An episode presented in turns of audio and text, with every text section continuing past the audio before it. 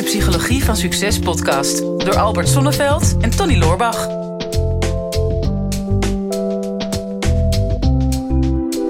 Er gaat er eindelijk van komen, Albert, deze podcast.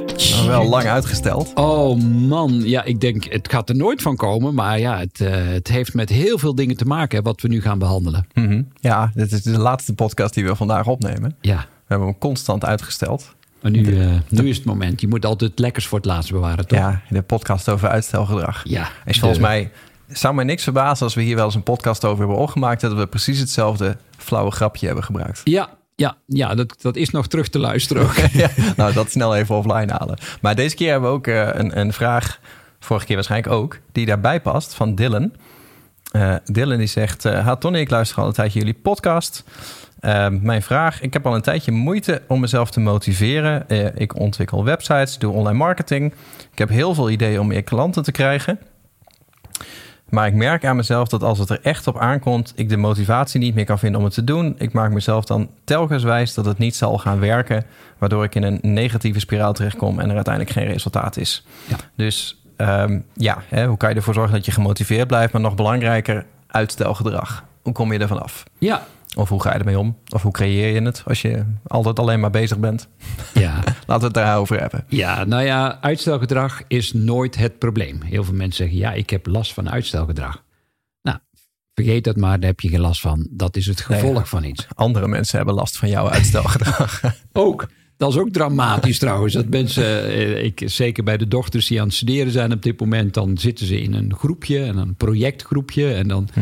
standaard krijg ik al jaren te horen van die meiden. Zeg ja, ik was wel op tijd klaar, maar nu op het allerlaatste moment zitten we nog te wachten op twee andere studenten, medestudenten uit het groepje, Mhm. die weer tot de laatste avond gewacht hebben met het aanleveren van het materiaal. Nou, Ja. Iedereen kent dat denk ik wel. Dat is, bij studie is dat eh, een heel bekend probleem. Meer dan 60% van de studenten volgens mij die heeft daar eh, wel last van. Mhm. Maar ook binnen het bedrijfsleven, als je dat zou kunnen uitrekenen, ik weet niet of er cijfers van zijn, maar wat uitstelgedrag kost aan tijd, geld en energie, is natuurlijk enorm. Ja. En nogmaals, het is niet het probleem. Er zit iets onder.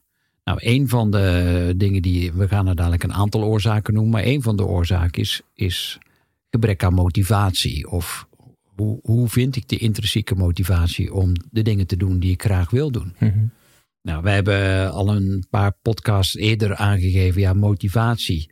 Dat heeft altijd met je intrinsieke waarde te maken. En ehm, ik, we hebben in een van de podcasts ook genoemd. ja, er is een verschil tussen wat je wil en wat je nodig hebt. Nou, vaak als mensen een bedrijf beginnen, dan willen ze meer klanten. Ze willen meer omzet. Ze willen, nou, we willen van alles en nog wat. Meer personeel. Dat weet ik niet of je dat wil, maar het Mhm. komt er dan op een gegeven moment vanzelf bij. Ehm, maar wat heb jij nodig om uiteindelijk een vervullend leven te hebben? Dat is een veel essentiëlere vraag. En als je dat gaat vragen, dan kom je er vaak achter dat mensen zeggen: ja, wat ik wil is meer, meer rust of meer ruimte of meer vrijheid. Of, Mhm. maar vaak is dat weer het gevolg van het maken van bepaalde keuzes. Mhm. En die maak je op basis van je intrinsieke motivatie. En dan kom je op waarden zoals, ja, ik begin een bedrijf omdat ik een bijdrage wil leveren. Of ik begin een bedrijf omdat ik het heel fijn vind om een bepaalde vorm van financiële zekerheid te hebben. Of ik begin een bedrijf omdat ik het juist heel leuk vind om samen te werken. Als je onvoldoende contact hebt met die intrinsieke motivatie, dan is het heel lastig om door je to-do-lijstje heen te ploeteren. Want dan denk je vaak op een warme zomeravond waarin iedereen lekker aan het strand of op het aan het zwembad ligt. Waar doe ik het allemaal voor? Mhm. Ehm, ja, waar je het voor doet, is uiteindelijk altijd voor jezelf. Hoe nobel dat je gedachten ook zijn, of hoe, eh, met een mooi woord, altruïstisch je ook bent om de hele wereld te willen redden en helpen. Uiteindelijk doe je alles omdat het jou of behoedt van pijn, of omdat je er een bepaalde voldoening uit wil halen.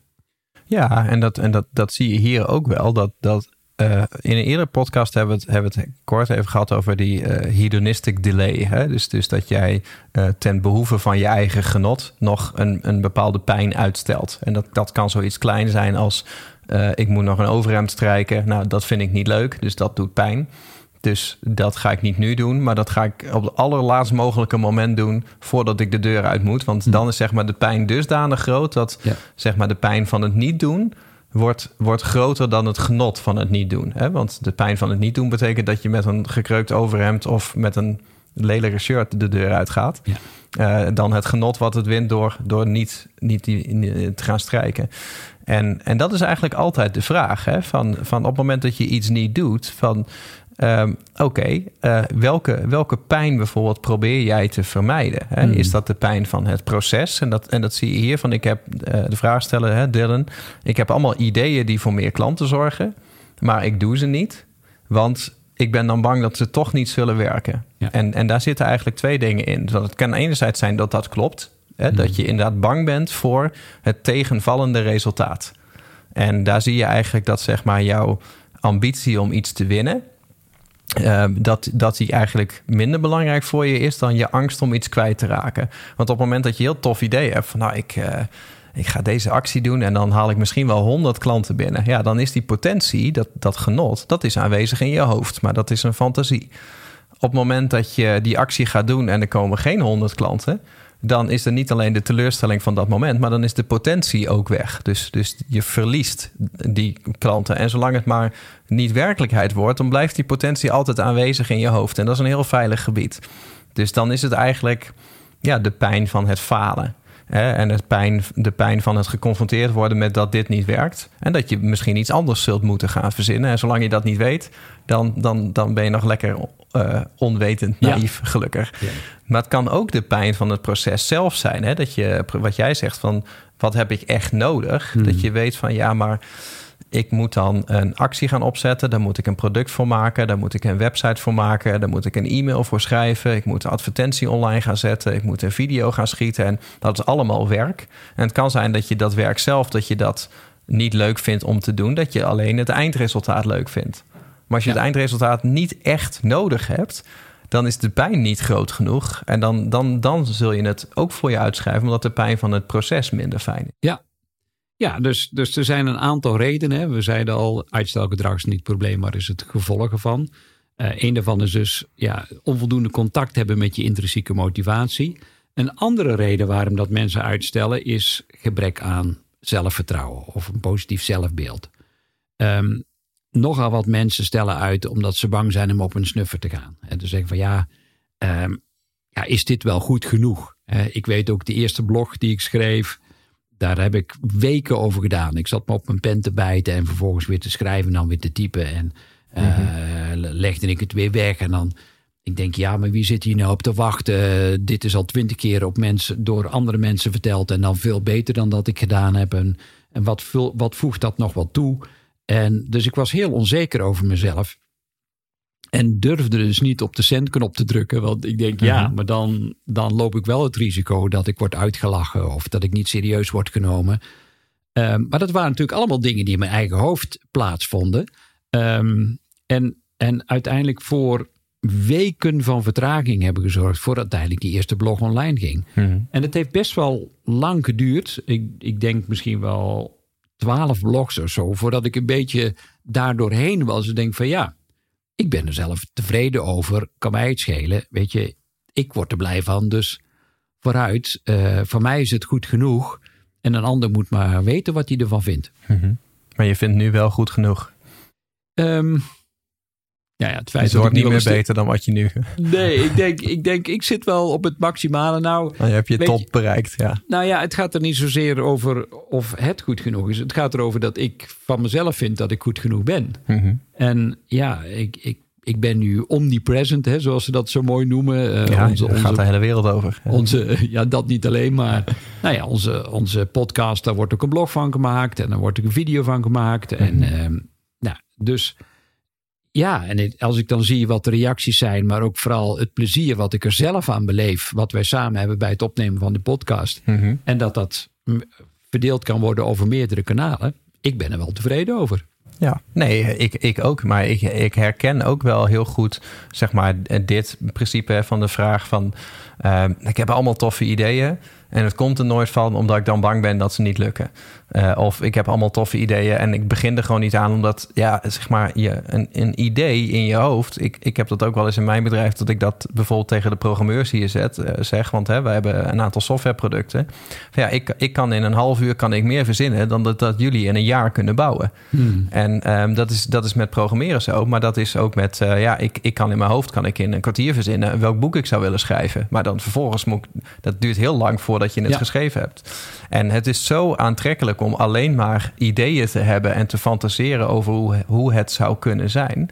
Uh, maar hoeveel te langer je blijft fantaseren, ja, des, des, te, des te moeilijker de stap wordt uh, om, het, om het uiteindelijk te gaan zetten. Ja. En uh, ik, ik merk dat ook zelfs de dingen waar je super gemotiveerd over bent en waarvan je weet dat het, dat het gaat, gaat lukken, zeg maar.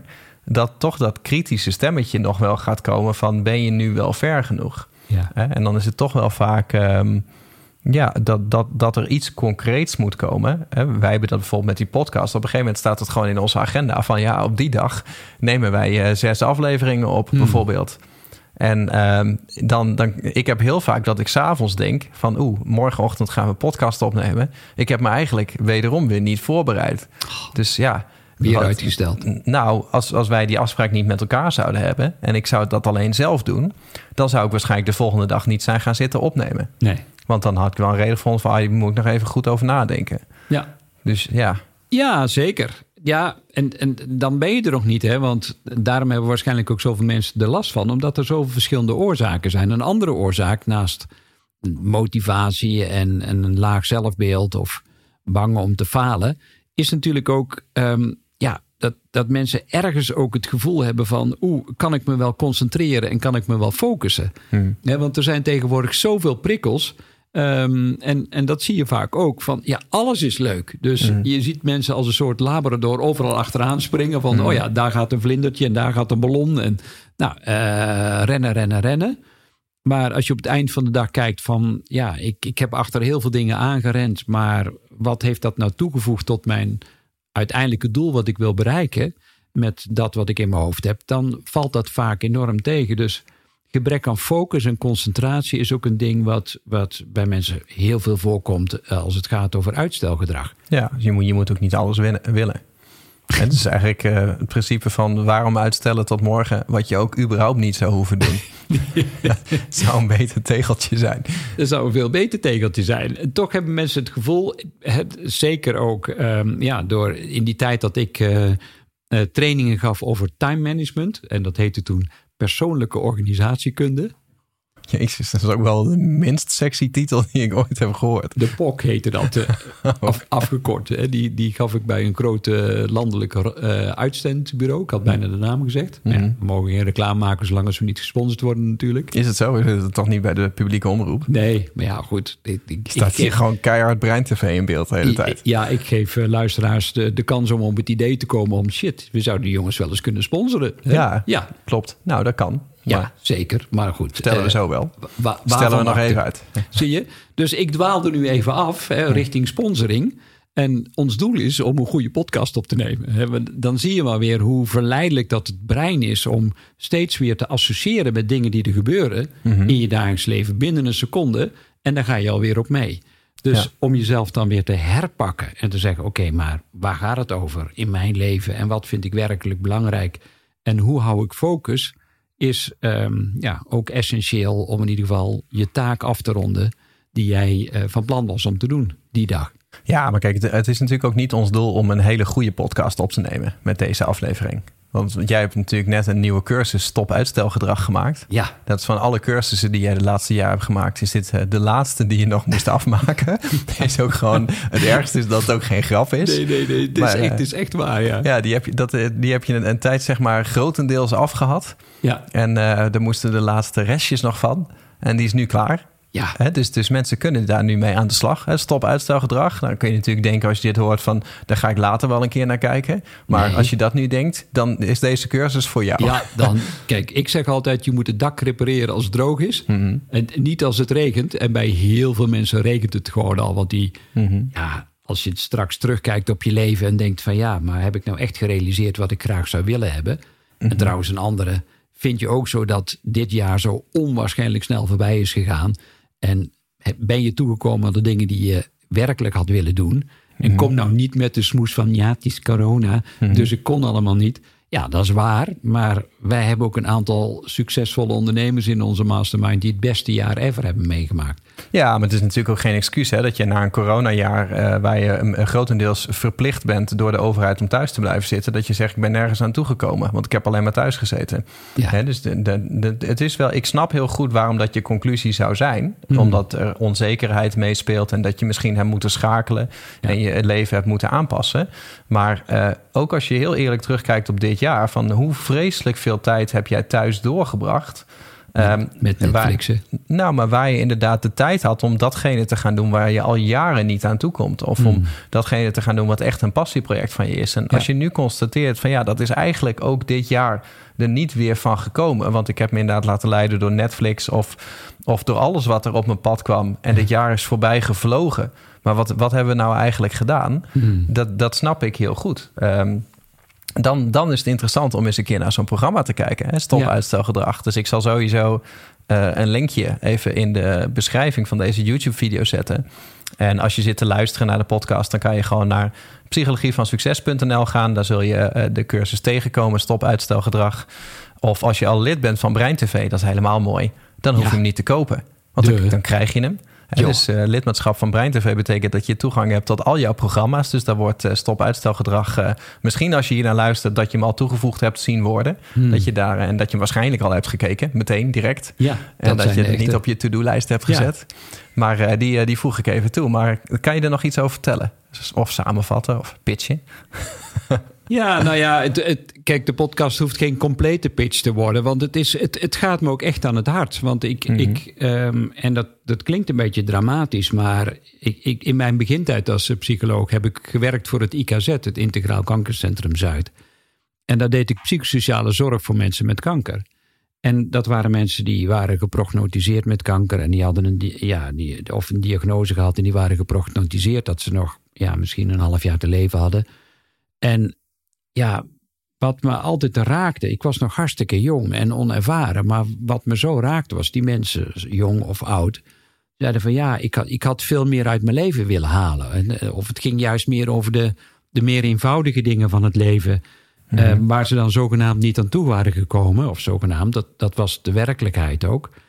En dus ik heb altijd gezegd, ja, ik, ik wil het maximale uit mijn leven halen. Wat voor mij dan maximaal is. hè. En dat is niet maximaal hard werken. Maar vooral maximaal genieten van de dingen die het dichtst bij mijn hart liggen. En die ik het leukst vind om te doen met de mensen waar ik het meest van hou. En ja, dat zou ik wel van de daken willen schreeuwen. Hè? Want het is niet de zoveelste time management cursus. Dat wordt dan wel gezegd. Ja, als je wel uitstelgedrag wil voorkomen, ja, dan moet je beter plannen. De, en je moet prioriteiten stellen. Ja, dat, dat weet iedereen dat je dat moet doen. Hè? Ja. Maar tijd kun je niet managen. Je kunt alleen jezelf managen. En, en, maar de meeste mensen weten niet hoe ze dat moeten doen. En dat is ook een hele opgave tegenwoordig. Dat was in die tijd dat ik time management gaf, was dat al een hele opgave. Maar dat was twintig jaar geleden. En dat is nu alleen nog maar moeilijker geworden, omdat er nog meer verleidingen zijn. Ja, en omdat je alweer twintig jaar kwijt bent. En dan, ja, ja en, en een van de dingen die altijd op mijn lijstje stond, was inderdaad deze training Stop Uitstelgedrag.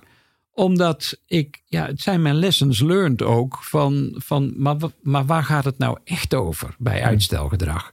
En niet over dat je een slimme planning moet maken, maar dat het vooral gaat over, ja, wat drijft mij echt? Hoe maak ik keuzes? Hoe, Ik word 's morgens wakker. En, en dan, dan begint je dag. En dat is de tijd, de leeftijd die je, die je krijgt. Die, je- ja, die gaat voorbij en die, die krijg je nooit meer terug. Dat is het meest kostbare wat je hebt. En ik schrik er altijd van hoe, hoe, hoe nonchalant sommige mensen echt met hun tijd omgaan. Alsof die eeuwig is. Eh, nou ja, één ding kan ik zeggen.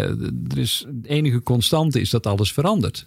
En, en dat het leven super vergankelijk is. En, en mijn ouders zijn heel jong gestorven. ehm, en daardoor ben ik misschien zo fanatiek nu ook. eh, eh, dat ik zeg, ja, weet je, niks is vanzelfsprekend. Ehm, als je iets wil veranderen in je leven omdat je op dit moment niet gelukkig bent. Ja, why wait? Waarom zou je wachten? Waarom zou je uitstellen?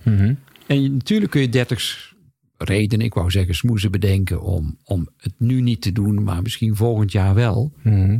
Maar ja, je hebt nu zelf gemerkt hoe snel die jaren voorbij vliegen. Ja. Ehm, en, en die tijd die komt dus niet meer terug. Dat is, dat is wel de essentie eh, ook van de training. Dat je niet alleen gaat leren van wa- waar komt het nou bij mij vandaan. Want nou, er zitten allerlei testen in waarin mensen kunnen onderzoeken wat voor soort type uitsteller ben ik nou eigenlijk. Mm -hmm. Gekeken naar Carl Jung, die heeft daar de, de vier verschillende types, vier verschillende type uitstellers. Um, nou, op welke gebieden stel je uit? Sommige wel, sommige niet.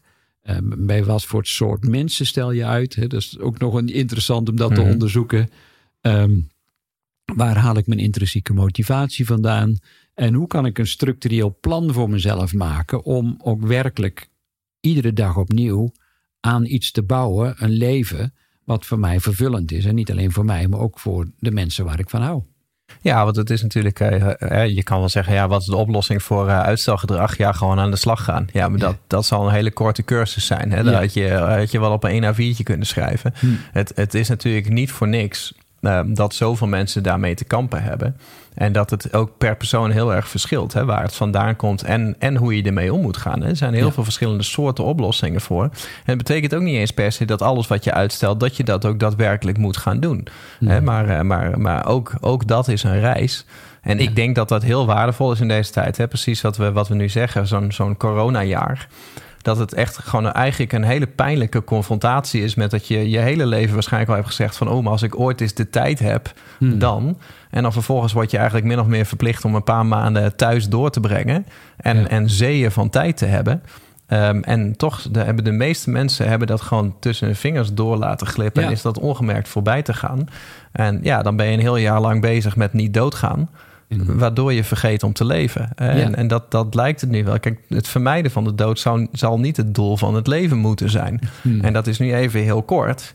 Maar ja, ook als er straks geen corona en geen lockdown meer is, ja, dan, dan komt er weer iets anders waardoor je even weer opgeslokt wordt. En als je hele leven alleen maar reageert op het leven dat jou overkomt, vind ik ook een mooie uitspraak van als je zelf geen plan maakt, dan word je onderdeel van het plan van iemand anders. Hmm. En, en dat hangt hier natuurlijk heel close mee samen. Dat je ja. zelf wil weten van wat wil ik nu uit het leven halen. Uh, en dat je dat succes vervolgens ook onvermijdelijk maakt. Nou, volgens mij is dit wel de reden om hmm. te zeggen dat we in ieder geval te gaan onderzoeken of uh, deze training bij je past. En je snapt hoe gemotiveerd wij zijn om niet alleen in ons eigen leven het verschil te maken, maar ook voor anderen. Dit is de Psychologie van Succes podcast door Albert Sonneveld en Tony Loorbach.